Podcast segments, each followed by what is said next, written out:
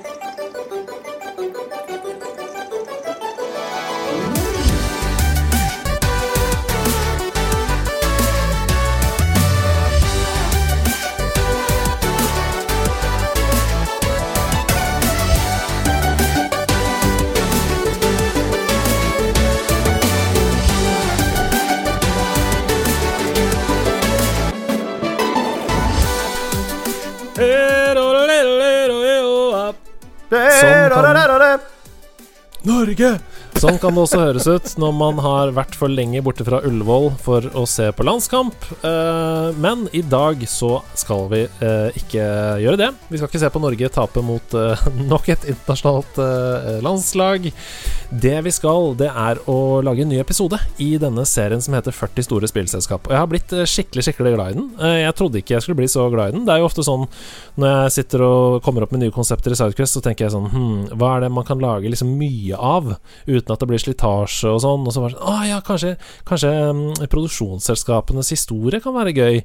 Det, det, sjekker jeg litt ut. Og så tenker jeg sånn Ja, men det kan jo hende det blir litt sånn ja, historietime kjedelig også. Men Uh, low and behold, jeg har virkelig kost meg skikkelig med disse uh, episodene. Og jeg lærer så mye av det. Og uh, fellesnevneren er alltid nesten at disse folka som har lagd disse legendariske spillene, de er bare folk. Og de hadde noe binders, og de prøvde på noen greier, og så ble det svært til slutt. Eh, og det syns jeg er veldig koselig. Eh, I dag så har jeg fått med meg eh, en av mine absolutt favorittmennesker i hele verden. La dere merke til at jeg sa ikke bare gjest, jeg sa favorittmenneske. Altså han er mer enn bare gjest. Han heter Han er glad i samme fotballaget som meg, han er glad i å spille TV-spill, og han heter Sebastian Brynestad. Ja da, ja da, ja da. Det er hyggelig å nok en gang få lov til å prate med deg, Andreas Hedman. En av mine favorittmennesker i hele verden. Fra flere av mine favorittpodcaster også i hele verden. Og dette er jo en, dette er jo en historietime som er meget spennende å lytte til. Og nå, endelig, så kan jeg få lov til å sitte her og være med på en slags interaktiv historietime med sprell, krumspring og gøy. Ja, det er veldig gøy. Og før folk eh, sklir helt av stolen av hvor mye vi sikler på hverandre og komplimenterer hverandre her, så eh, tror jeg vi skal bare sette i gang. Eh, fordi um, du spurte meg jeg, jeg, sender jo over en liste med spillselskaper som jeg har plukka ut. og så ja. velger gjestene Velger seg et selskap fra lista. Og så sa du yep. 'Hvor er Fromsoft?' sa du til meg tilbake på melding. Så, det var ikke på lista. Og, og, da kunne jeg svart Da kunne jeg svart Nei, det er noen som har tatt det, så det er ikke der. Det kunne jeg svart. Uh, men isteden så svarte jeg Du, det førte jeg ikke opp, for før vi har prata så sinnssykt mye om de spillene, så sa du ja, murra du litt? Og så tenkte jeg sånn Vet du hva, nå skal jeg, eh, nå skal jeg bare istedenfor å bare anta at dette er de eneste spillene de står bak, så skal jeg google det. Og guri malla, for en historie, gitt. Ja her åpna det seg dører inn til Sareptas krukke, hvis det er lov å si. Um, så, det er greit. Ja, så jeg, jeg, sendte melding tilbake og sa sånn, vet du hva, hvis du vil, så kan vi gjerne ta Fromsoft, for her var det mye gøy. Uh, så det er Fromsoft vi skal snakke om i dag. Og vet du hva, Hedemann? Altså, I det jeg sendte melding Hvor er Fromsoft på lista? Så tenkte jeg sånn Skal ikke jeg få lov til å være der når du tar for deg liksom de som har laget arguably mine favorittspill gjennom tidene? Uh, så, uh, så, så, tenkte jeg Er det noen som har tatt den? Nei da, det viste at jeg hadde ikke tenkt å gjøre. Men når meldingen tikket inn på innboksen at Vet du hva? Dette ser faktisk spennende ut. Så ble jeg altså så glad, fordi selv om jeg spiller disse spillene mye og er veldig glad i de, og vet hvem som har hatt regi på de, på en måte, så vet jeg veldig lite om FromSoft. Så dette er jo helt sånn genialt for meg! Og det er veldig gøy, fordi jeg visste også veldig lite om FromSoft, og det er ikke så rart, fordi det er veldig lite å vite om FromSoft inntil um, bare de senere år, hvor noen selvfølgelig gravejournalister som er ekstremt fan av denne, disse spillene, uh, har virkelig gått til um, grundig til verks. Så uh, Snakker du om deg selv nå? nei, nei, nei, nei, nei, Men uh, det hadde vært veldig Det hadde vært ekstremt pretensiøst hvis jeg snakka om meg selv på den måten. Men det gjør jeg ikke. Nei. Men la oss bare begynne med starten. Er du klar? Jeg, klar. Jeg, du, jeg gleder meg så fælt nå. Du merker det? Jeg jitter. Men nå skal, ok, nå er jeg lutter øre. Kjør i gang! Gaming og From Software Det hadde rett og slett i begynnelsen ingenting med hverandre å gjøre. det fordi eh, det var nemlig sånn at det Shibuya-baserte selskapet, eh, da selvfølgelig, det ligger implisitt i Shibuya-basert, så at det kommer fra Tokyo i Japan, det ble etablert i 1986. eh, ett år før du ble født, og to år før jeg ble født, som en utvikler av Og dette syns jeg er veldig søtt. Mer praktisk kontorprogramvare. Så det var altså praktisk kontorprogramvare de lagde i begynnelsen, og det passa dem faktisk helt utrolig fint, det. I årevis. De holdt på med det dritlenge. Så det, dette har du lest i boka, selvfølgelig. Fra praktisk kontorvare til blodhard gaming, ikke sant? ja, ja, ja. Det er gravejournalisten som har uh, funnet fram til den boka. Nei, men um, etter åtte år da med å utvikle praktisk kontorprogramvare, uh, i 1994 uh, dette OL-året som vi ofte kommer tilbake til her i denne historietimen, så hadde hele denne industrien endra seg. For CD-en tok til slutt over for disketter på dette tidspunktet, som et mye billigere format.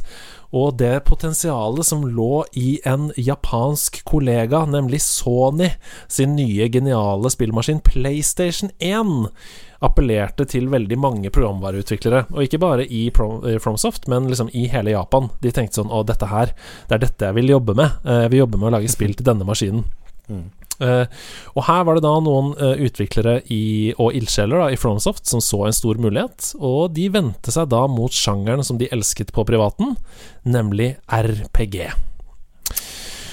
Og det som er gøy, er at PlayStation 1 hadde ingen rollespill i begynnelsen av desemberlanseringen i Japan. Uh, og det er jo veldig rart, fordi Japan er på mange måter på måte rollespillets fødeland, føler jeg.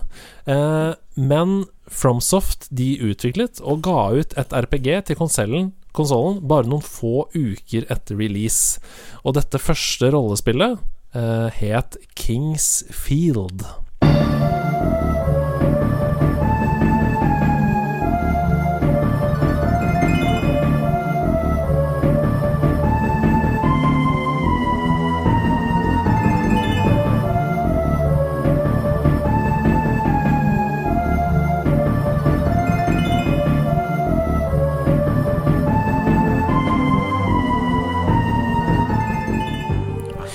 Uh, Kingsfield det er uh, ikke et konvensjonelt anime-aktig sånn JRPG, altså et japansk rollespill. Det beskrives isteden som et førstepersons Quest-drevet spill gjennom trange katakomber og forbannede land. Uh, og det er da basically en slags uh, Ja, ikke sant? Det er basically en slags dungeon hack and slash i 3D-form.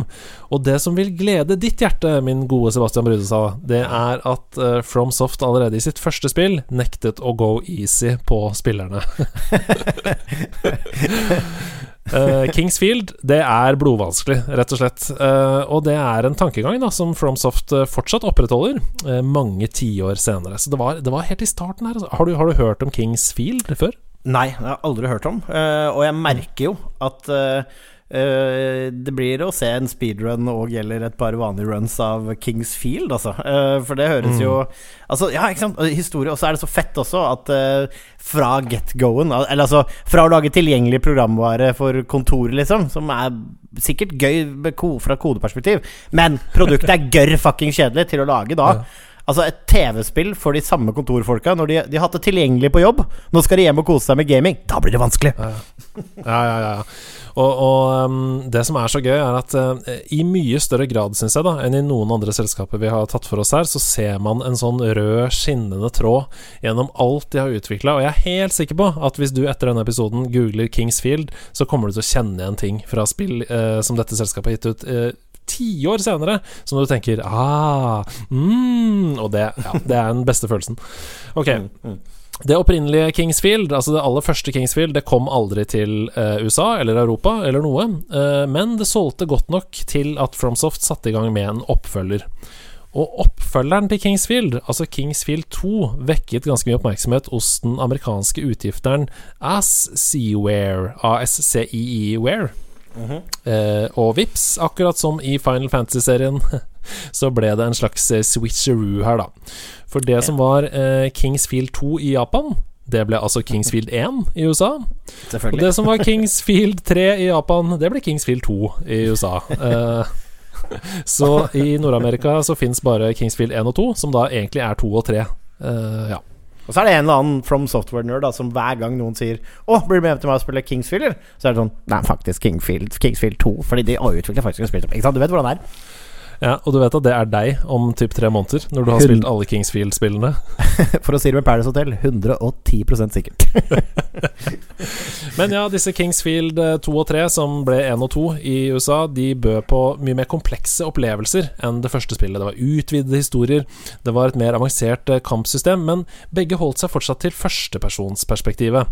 Eh, og det var fortsatt disse, disse ødelagte, brente landskapene og eh, livsfarlige farer på alle kanter. Og disse, disse spillene De samlet en liten sånn blodfanskare. Eh, kjenner du deg igjen, eller? Eh, Ja, altså, dette, er- dette er musikk for mine ører. Ja. Eh, så de kunne på en måte på ingen som helst måte konkurrere med oppmerksomheten f.eks. Final Fantasy 7 eller de fleste andre Japan-produserte RPG-ene hadde da på samme tiden. Men Mm, mm. den tøffe, enkle tilnærmingen til Kingsfield, den hadde en veldig, veldig sterk egenverdi, eh, og står som et bevis. Eh, som en par eh, påle i dag på at FromSofts designfilosofi stort sett har vært uendret da i de påfølgende tiårene. Tror du det var sånn når folk søkte hjelp da? Ikke sant? Fordi det var spede begynnelsen til internett, og liksom ting var kronglete. Så var det sånn Du bare sto helt fast i Kings Field og bare 'Jeg må ha hjelp'. Men da fant du en nettside, du fikk ringt opp på ADSL-modemet. Du måtte sende det rett til print, for det var umulig å få låna det opp. Men du fikk lasta ned et vedlegg på diskett, trykke print, og ut av printeren kom det Git good. Tror du det? Det håper jeg veldig. Uh, hvis du hadde ADSL i 97, forresten, da var du langt forut for din tid. Jeg, det var nok rolig ISDN på, på meg eh, Ja, det hadde, borti der. Men Så det var vel stort sett bare herr ADSL, altså oppfinneren, som hadde det. tenker du på Arne Dahl Sivertsen Larsen, som var ADSL? Gamle ADSL, ja, og bror hans, Ja. Gunnar. Ja da, nok om det. Det er en annen From- episode. Ja, ja, ja, ja. From Software de gikk eh, bort fra Kingsfield etter da det tredje spillet. eh, over til en, eh, en ny ting, eh, et nytt spill som heter Echo Night. Um, og Echo Night det kom i 1998. Ok, Echo nå må jeg gjette. Kan jeg, kan jeg gjette, bare? Sorry for å avbryte deg. Jeg vet Ja, hva det gjett men jeg må spørre. Gjett det. Er det et vanskelig spill i et goldt og brent landskap? Du, eh, takke seg til. De eh, hadde da et lignende førstepersonsperspektiv som Kingsfield, så det var liksom Det er fortsatt eh, førsteperson, men det er et eventyrspill. Oi. Um, Echo Night det er en spøkelseshistorie, rett og slett. Der, uh, og dette, dette er musikk for dine ører, direkte konfrontasjon med farene er nøkkel til videre progresjon. Så det er sånn at eh, ja, det er skummelt, og du syns det er ekkelt, men den eneste måten å komme videre på, er å face your fears i Echo Night. Um, det er rett og slett karakterinteraksjon som gir deg hint, uh, og det gjør gåteløsningen enklere da, til å komme seg videre i dette eventyrspillet. Ja, kult. Mm. Uh, men de skulle jo selvfølgelig lage andre ting også, og, og det var nok RPG for en stund. Og dette her Nå kommer en litt sånn gøyal periode i Fromsoft sin karriere. Uh, For de så seg nødt til å se til andre sjangere, de trengte inspirasjon, og i 1997 så kommer det mest japanske jeg kan tenke meg i hele mitt liv, nemlig et spill som er tuftet midt i mekka-tradisjonens hjerte. Ah. Eh, det heter Armored Core.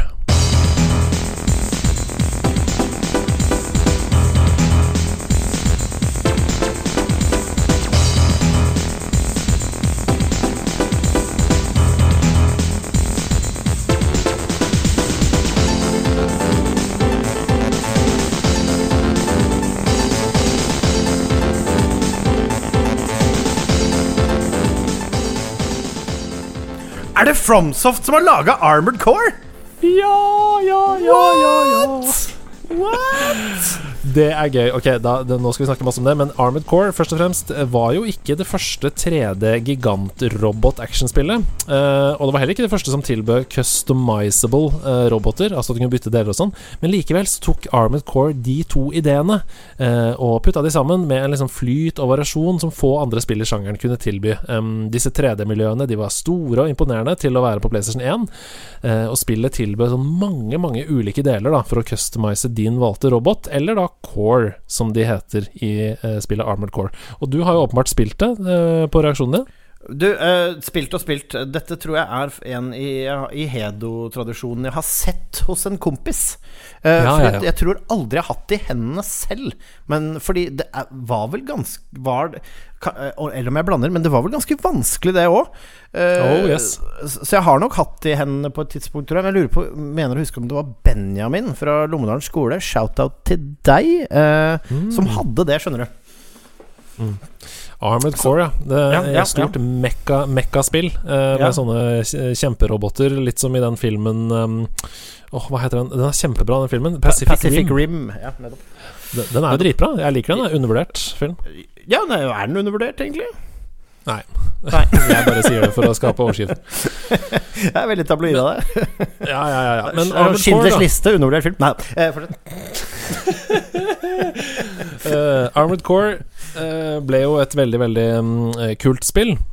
Ja, ja, ja. Eh, og som et slags eh, vitnesbyrd om den der sterke kultbølgen, eh, så kan jeg jo si at eh, PlayStation-magasinet Tips and Tricks De hadde en fast spalte viet til Armored Core i, i bladet sitt.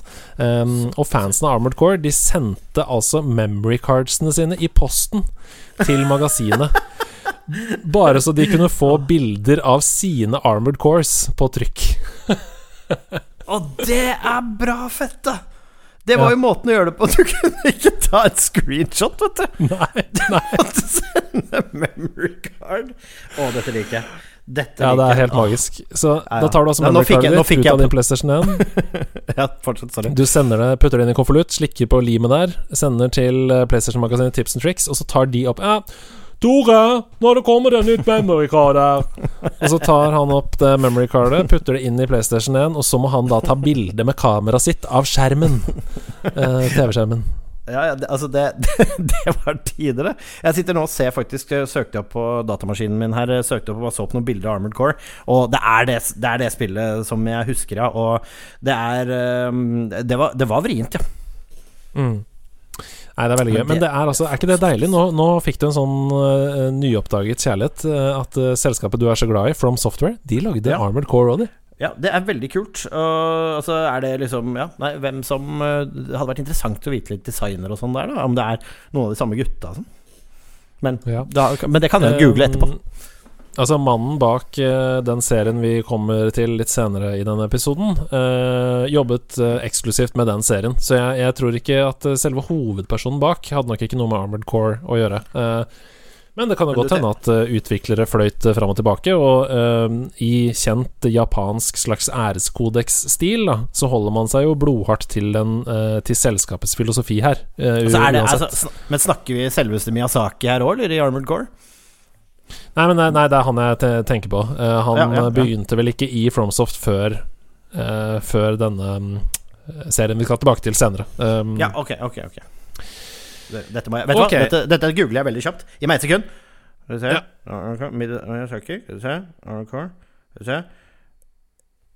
Han regisserte Armored Core 4 og Armored Core for Answer. Ja. ja, Så han, det var ikke før senere at han kom inn. Um, men ok, Armored Core. Uh, akkurat som FromSoft hadde gjort for den originale PlayStation, altså PlayStation 1, eh, til lansering der, så omfavnet eh, FromSoft PlayStation 2 veldig tidlig. Um, og det første spillet de lagde til PlayStation 2, det heter Eternal Ring. Ringer det noen bjeller av den tittelen, eller? Eh, Det ringer absolutt noen bjeller, uten at hjernen min helt Altså, Eternal Ring 100% sikkert hørt det navnet, men du må fortelle mer. Ja, eh, Grunnen til at jeg spør om det ringer noen bjeller, det er ikke nødvendigvis for Eternal Ring, men det er jo et visst lite spill som vi venter på, som heter Elden Ring, da. Eh, og det ligner jo ganske mye på Eternal Ring sånn tittelmessig. Jeg er ikke noe hypa i det hele tatt for Elden Ring. Altså. Det er. Nei da, det skjønner jeg, det skal vi snakke om etterpå. Men det, altså, eh, Eternal Ring, det ligner på Kings Field eh, i okay. sin tilnærming.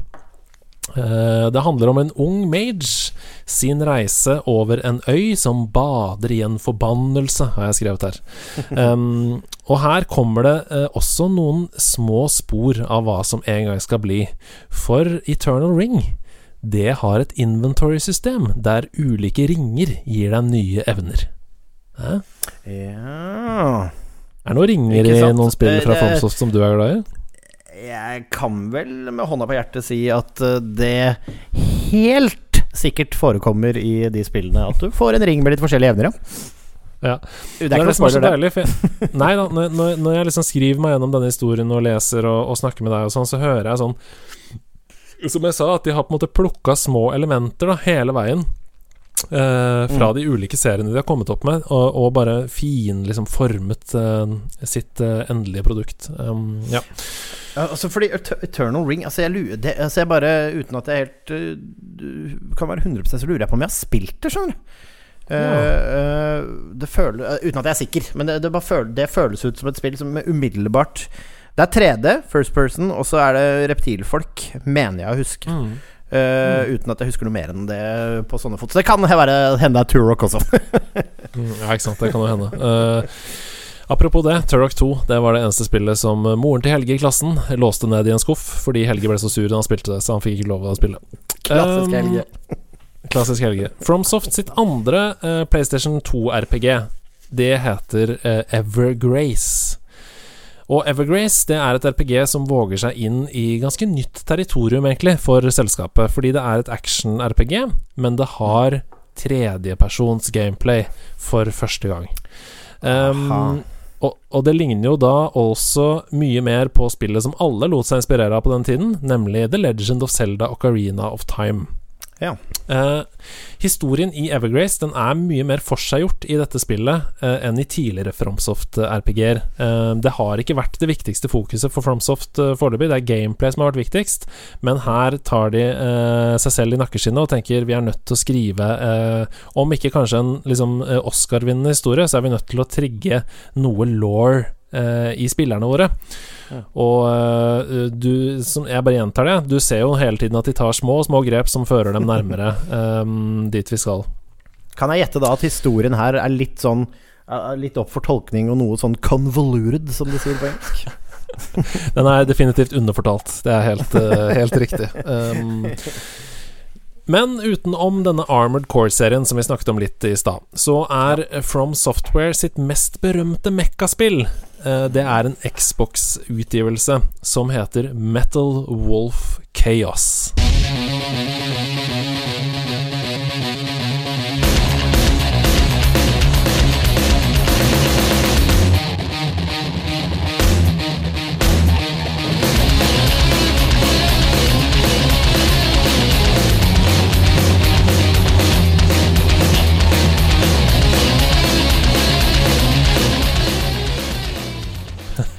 Aldri hørt om! Og dette her, altså. Nå gjør deg klar, spenn setebeltet. For eh, i motsetning til liksom, den relativt dystre tonen da, i Armored Core, så handler Metal Wolf Chaos om at USAs president, nemlig Michael Wilson, han styrer en kampmekka i kamp mot et ondskapsfullt opprør ledet av hans forræderiske visepresident. Dette er forløperen til Saints Row, det. Ja, eh, kombinert med litt sånn House of Cards der, fordi fra det Fra det øyeblikket presidentens mekka, eh, altså gigantrobot, eksploderer seg vei ut av Det hvite hus Ja! til, til, til den avsluttende finalebattlen på spillet, som foregår i verdensrommet, i en slags surfesekvens i bane rundt jorda. så, så er Metal Wolf Chaos et helt fantastisk absurd eh, spill, rett og slett. Her må jo rett og slett eh, utviklerne i Fromsoft hatt en såkalt Shibuya meltdown, hvis du vet hva det er. Ja, ja, ja, ja, ja, ja. Det, det høres sånn ut. Ja, Sjekk ut det på Instagram. Det er ikke noe grovt eller noe, men eh, jeg kan tippe at det har vært en liten Shibuya meltdown, og dagen derpå så har det rett og slett bare, bare Nå går vi all guns og wolves og mex blazing her. Ja. Ja, og det funka jo, da, for det ble jo det mest berømte mekkaspillet deres um, på Xbox. Så, men, men Xbox var jo litt sånn nå. Altså, det var litt sånn De tok seg ikke selv så seriøst, og det var mulig å liksom lage Ja, eh, Sunset Overdrive og sånne spill, ikke sant. Så det, det er gøy.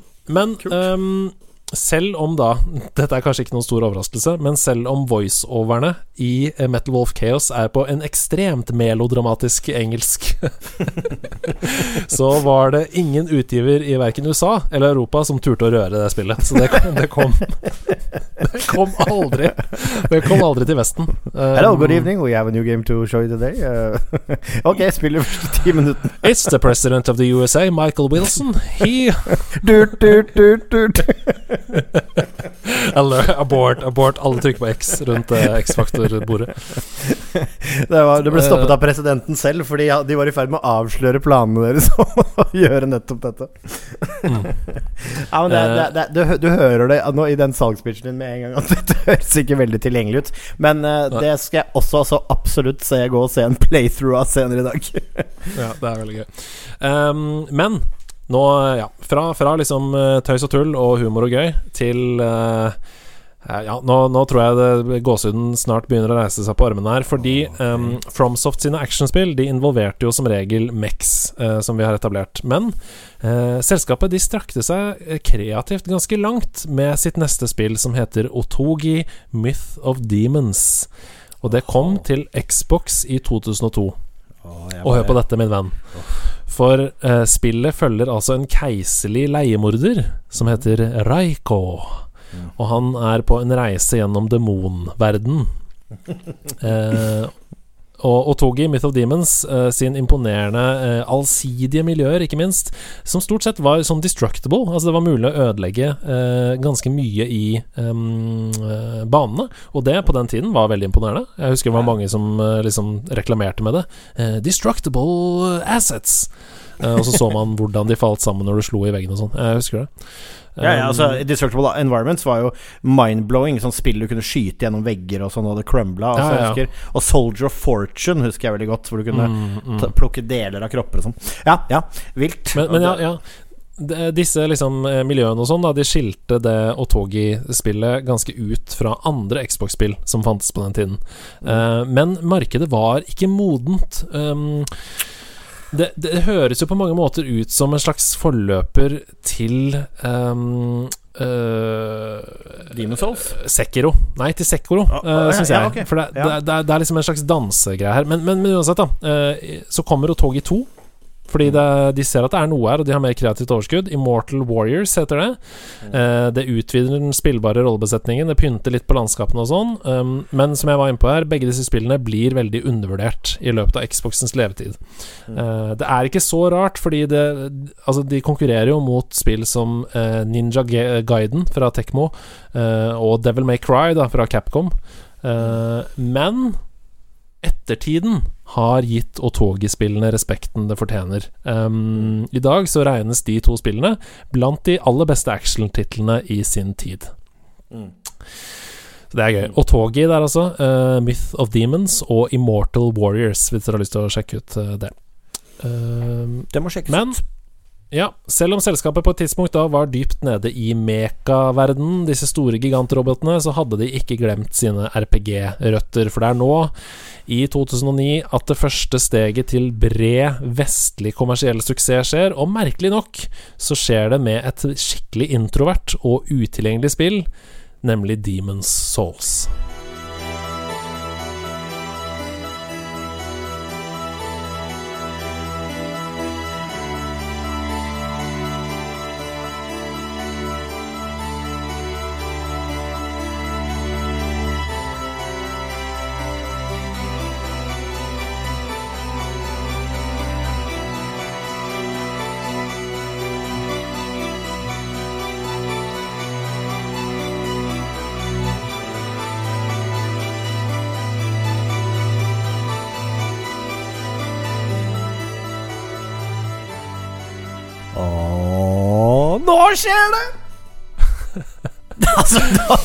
Guds skyld, fortsett! Ja, Demon's Souls det så kanskje litt kjedelig ut sammenlignet med andre PlayStation 3-spill da det kom i 2009, men guri malla for en kraftpakke som skjulte seg under overflaten her. Fordi um, Grunnen til at jeg sier det, er at det første som skjer, er at det sender da spilleren til uh, det forfalne rike Boletaria.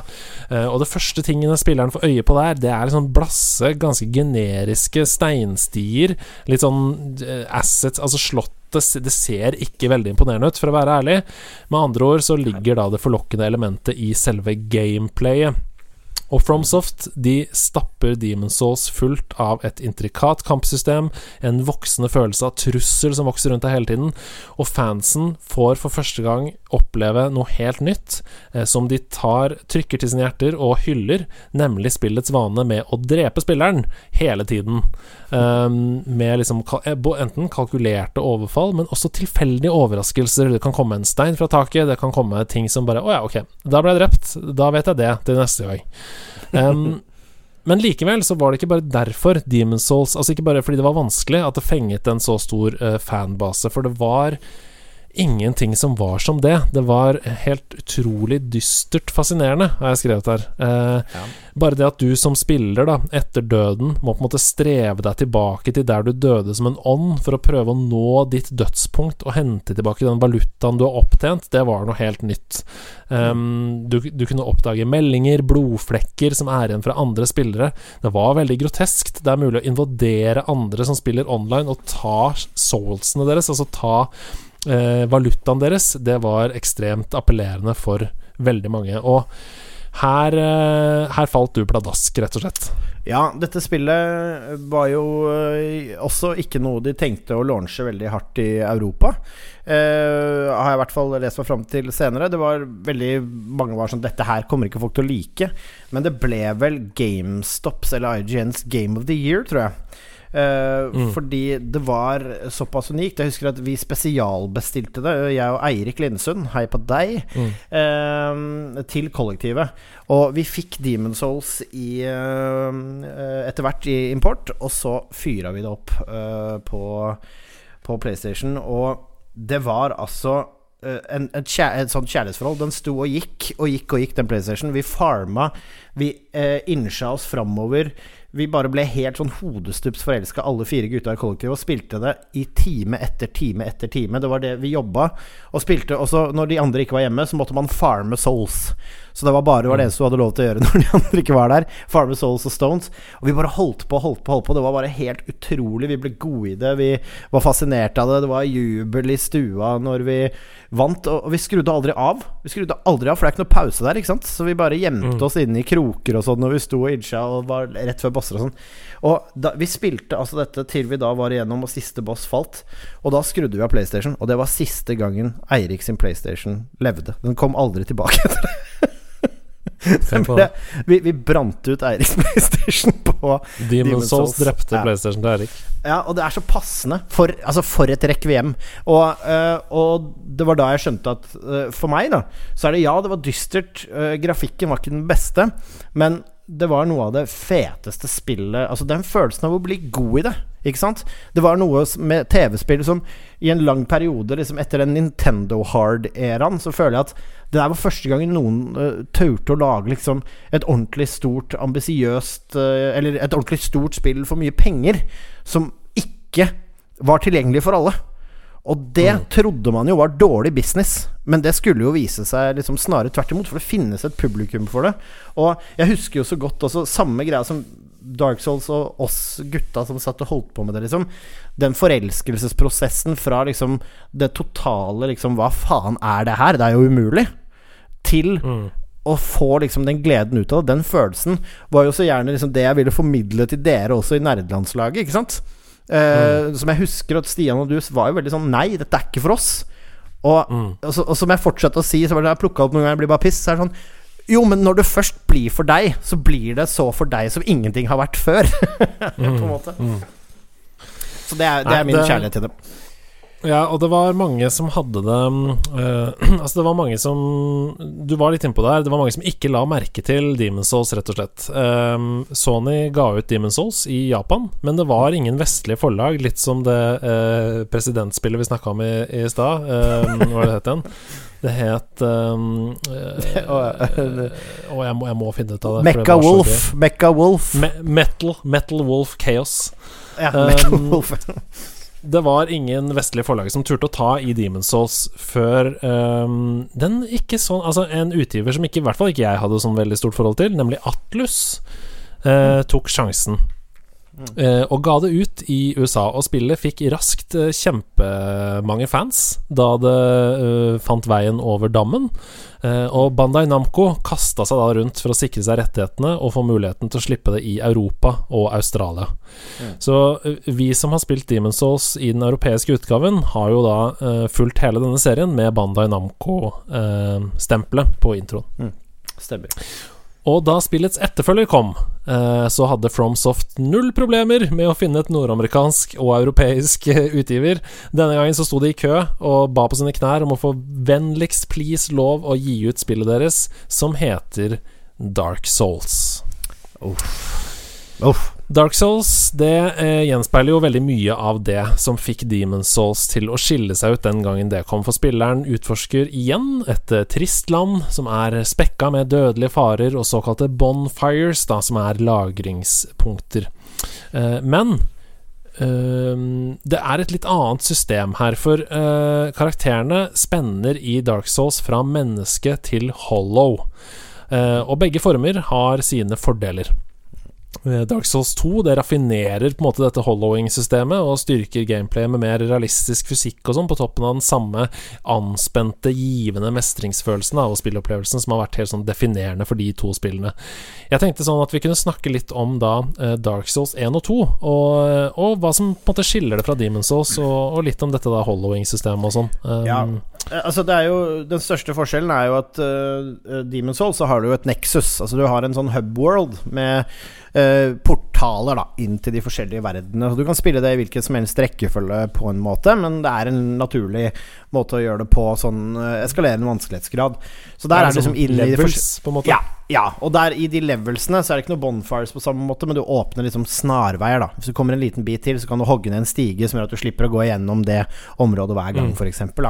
Men Dark Souls, det blir jo mye mer en interwoven verden.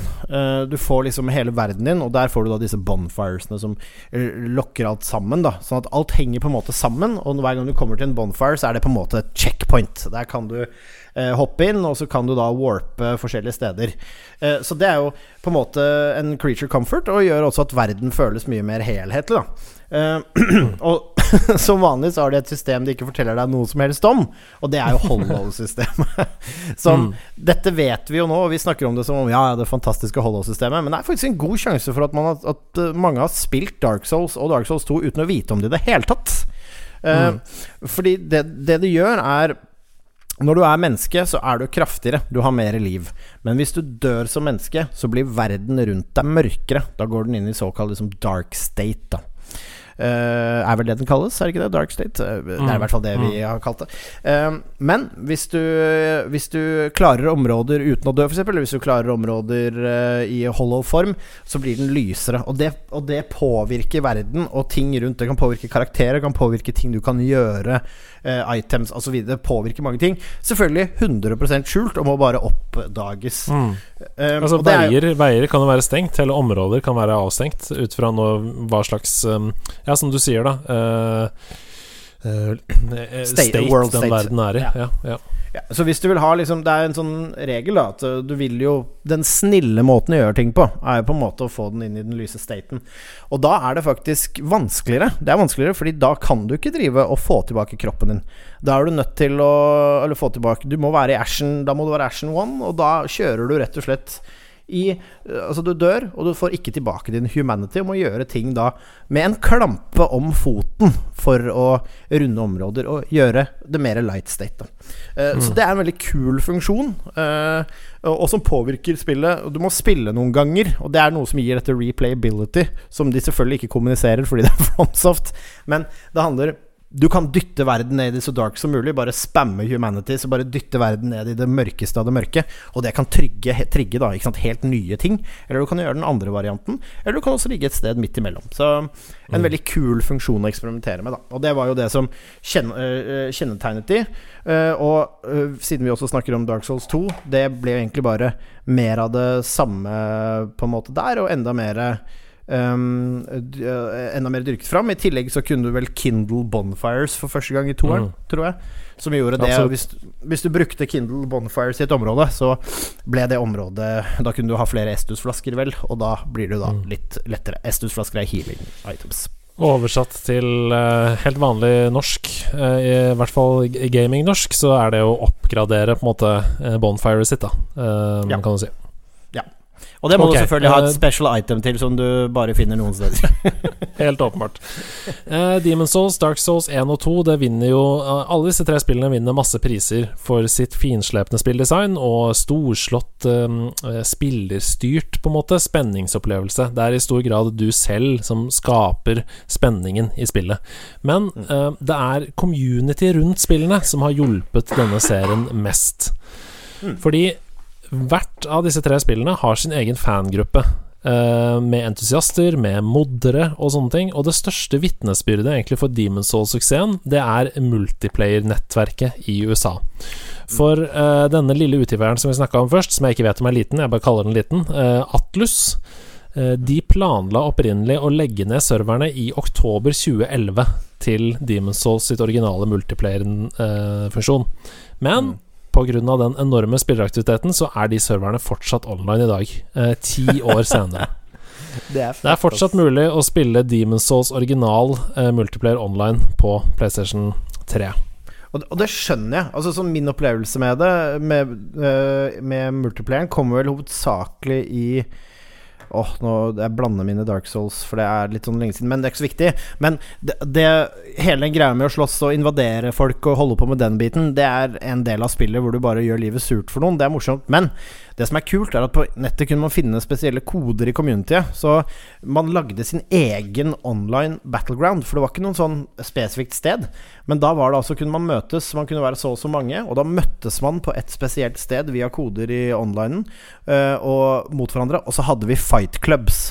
Det betyr mm. helt Altså ingen mekanikk for dette egentlig, men det betyr en honor code hvor det står masse folk i ring og venter på tur i et køsystem, møtes og slåss mot hverandre på plassen, og så dør én, og da er det nestemann, vinneren står, og så kommer den nye og loader inn igjen etterpå.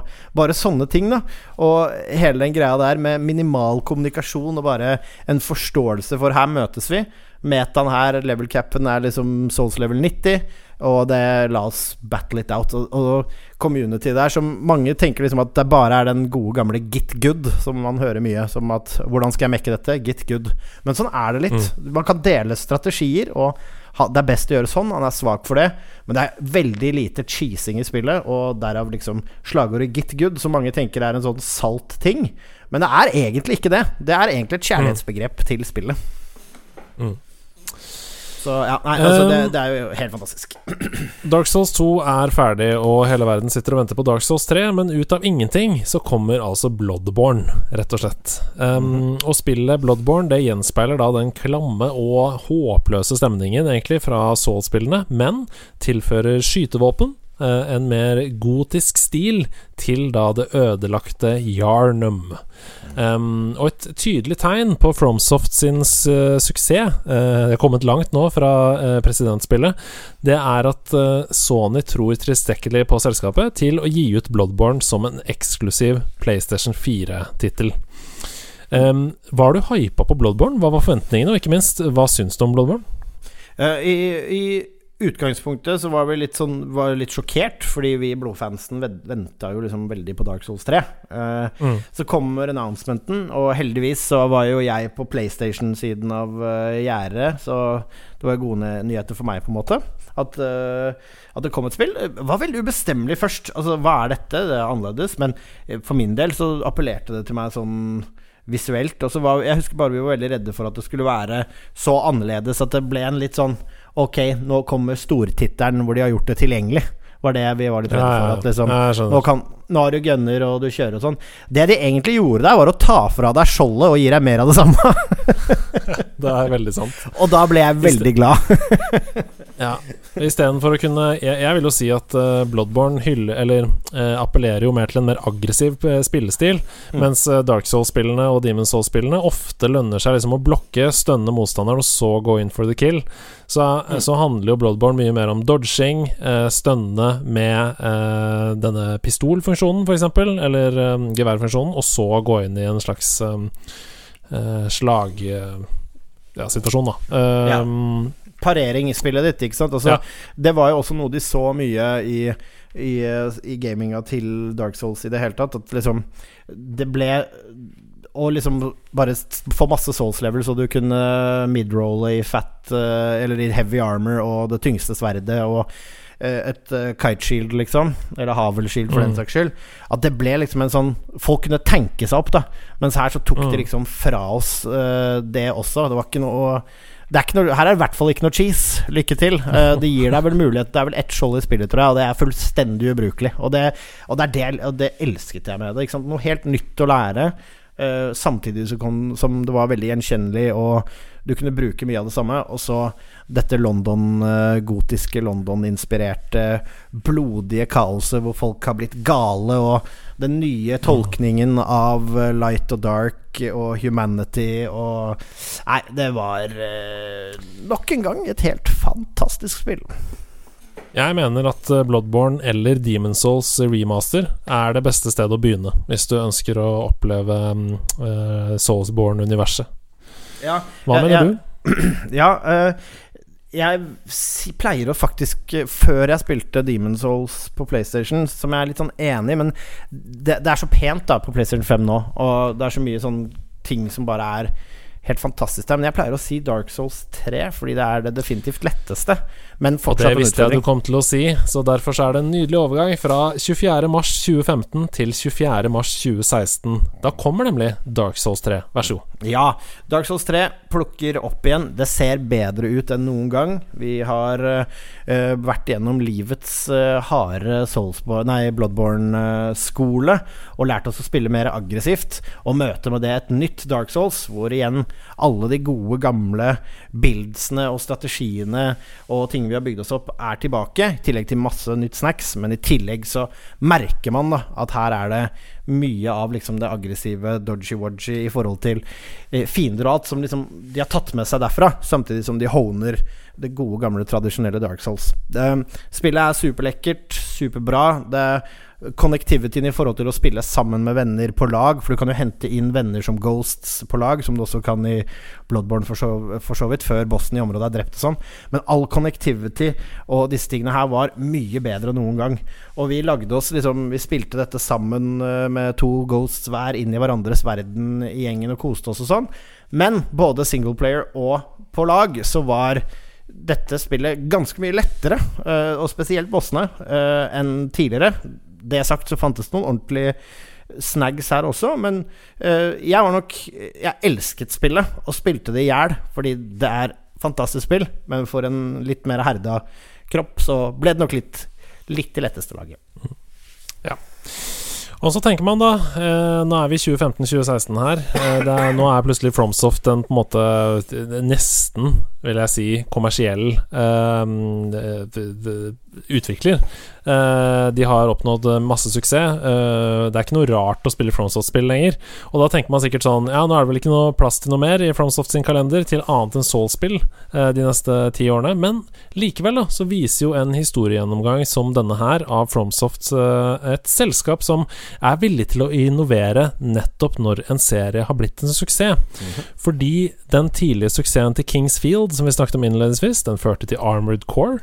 Eh, og den stabilt gode fanbasen til Armored Core, det førte til Demon Souls. Mm. Så eh, kanskje det ikke blir så lenge til de prøver på noe nytt igjen. Så tenker man kanskje da likevel i 2015. Og så var det heller ikke det, fordi selv om det er mange likhetstrekk til spill de allerede har gitt ut, så skjer det noe nytt når de i 2019 slipper Sekiro Shadows Die Twice.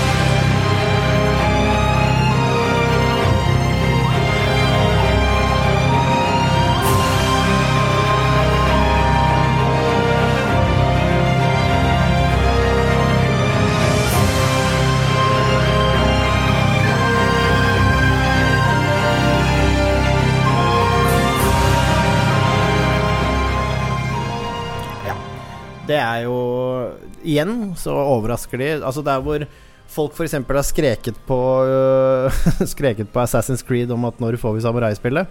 Da, hvem er på ballen? Det er FromSoft. Og igjen Mm. så er det Henter de liksom Du merker jo veldig godt at dette er et FromSoft-spill, men samtidig så er det noe helt, helt nytt.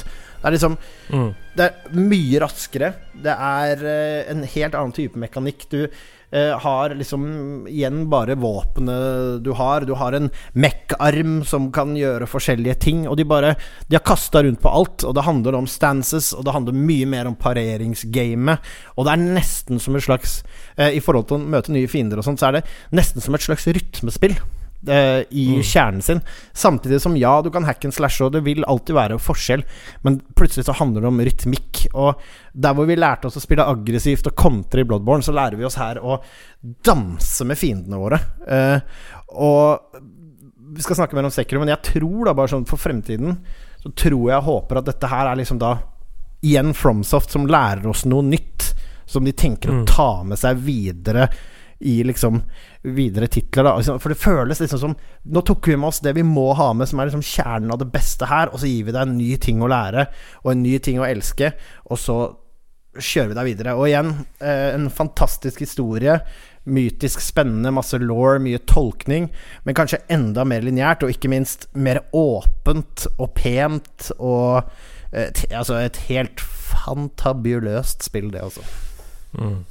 Har du lyst til å trekke fram et par liksom eh, ja, høydepunkter fra Sekiro-eventyret? Eh, Hvilke liksom øyeblikk er det som står ut der? Er det noen fights i seg selv, eller hva, du, hva tenker du når du tenker Sekiro? Ah, lener deg tilbake. Ah, Sekiro. Ja, det var den gangen jeg møtte den der. Ja, altså, for meg så er det uh, Jeg tror nok liksom mm, Åh, det er mye, men altså, jeg hadde noen øyeblikk der. Du, altså, for meg så var det et øyeblikk når du møtte han sparringspartneren du kan drepe om og om igjen for å lære. Skjønner du hva jeg mener? Ja, ja, ja. Som var en sånn ny måte å få tilgjengeliggjort. For plutselig så hadde du en litt sånn ufarlig sted å faktisk skikkelig øve. Eh, Som for meg var veldig digg. Du hadde ingenting å tape der. Du kunne gå kamper og lære å bli god. Eh, Sekiro er jo det Soul-spillet som jeg har spilt definitivt minst, og er by far dårligst i. Eh, men allikevel har jeg spilt masse, altså. Men det for Mm. meg var en sånn creature comfort som jeg likte godt. Eh, jeg likte også den måten liksom, du ble bedre på med å samle forskjellige Disse øynene, altså sånn alle disse tingene du kunne samle for å få bli generelt bedre. Og at de var spredd litt rundt. syntes det var spennende. Men jeg tror nok Når det største øyeblikket mitt i Sekiro er uten tvil når apen falt.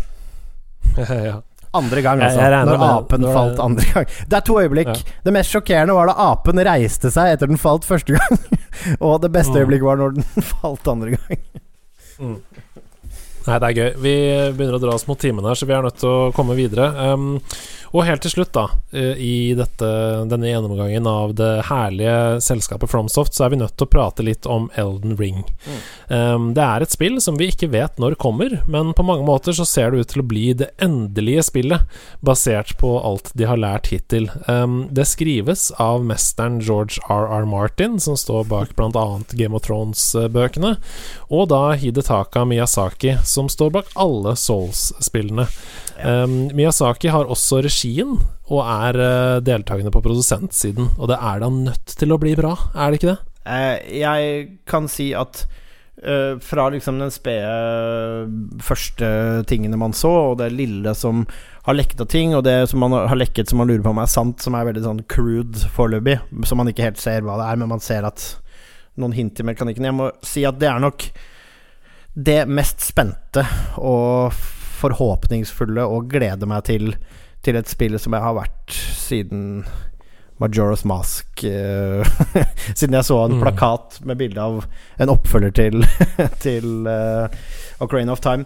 Uh, men, men ja, det er jeg så sinnssykt spent på. Og som du sier, og som vi har sett, så håper jeg og tror at dette her betyr at her kommer de til å ta med seg mye inn. At du kan liksom være Hvordan skal man formulere det? At du kan bygge karakteren din i retninger, da.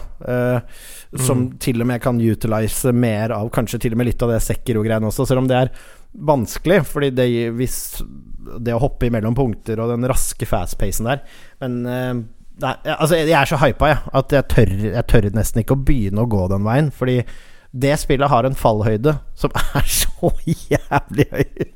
Det Jeg syns jo at uh, det å inkludere George R. R. Martin på fortellersiden kan jo bety to ting. Enten så kan det bety at de ønsker å uh, hente hans hjerne inn i Miyazakis underfortalte historie, eh, med convoluted små litt sånn Hi, child. I can see you are a Eller så ønsker de å gjøre det omvendte. At de ønsker å hente en mer kommersiell forfatter som er helt fantastisk på menneskelig relasjonsdrama, for det er han jo, Mm. eh, og ikke minst karakterutvikling. Eh, seige, lange karakterlinjer som eh, på en, på en slow-paced måte gjør at karakterene vokser, eh, og tilfører litt av Miyazaki på en måte inn i det. Og, og det gjenstår jo egentlig bare å se, da. Eh, I, i, I min teori så er eh, Elden Ring mye mer eh, historiefokusert eh, enn de tidligere spillene. Det tror jeg nok, og uh, man så det jo i Sekiro. Der var det jo i stor, uh, eller i høy grad, veldig mye uh, mer lineær fortelling, og mye mer tilgjengelig fortelling. Selvfølgelig med masse Fromsofts gode gamle Sorry.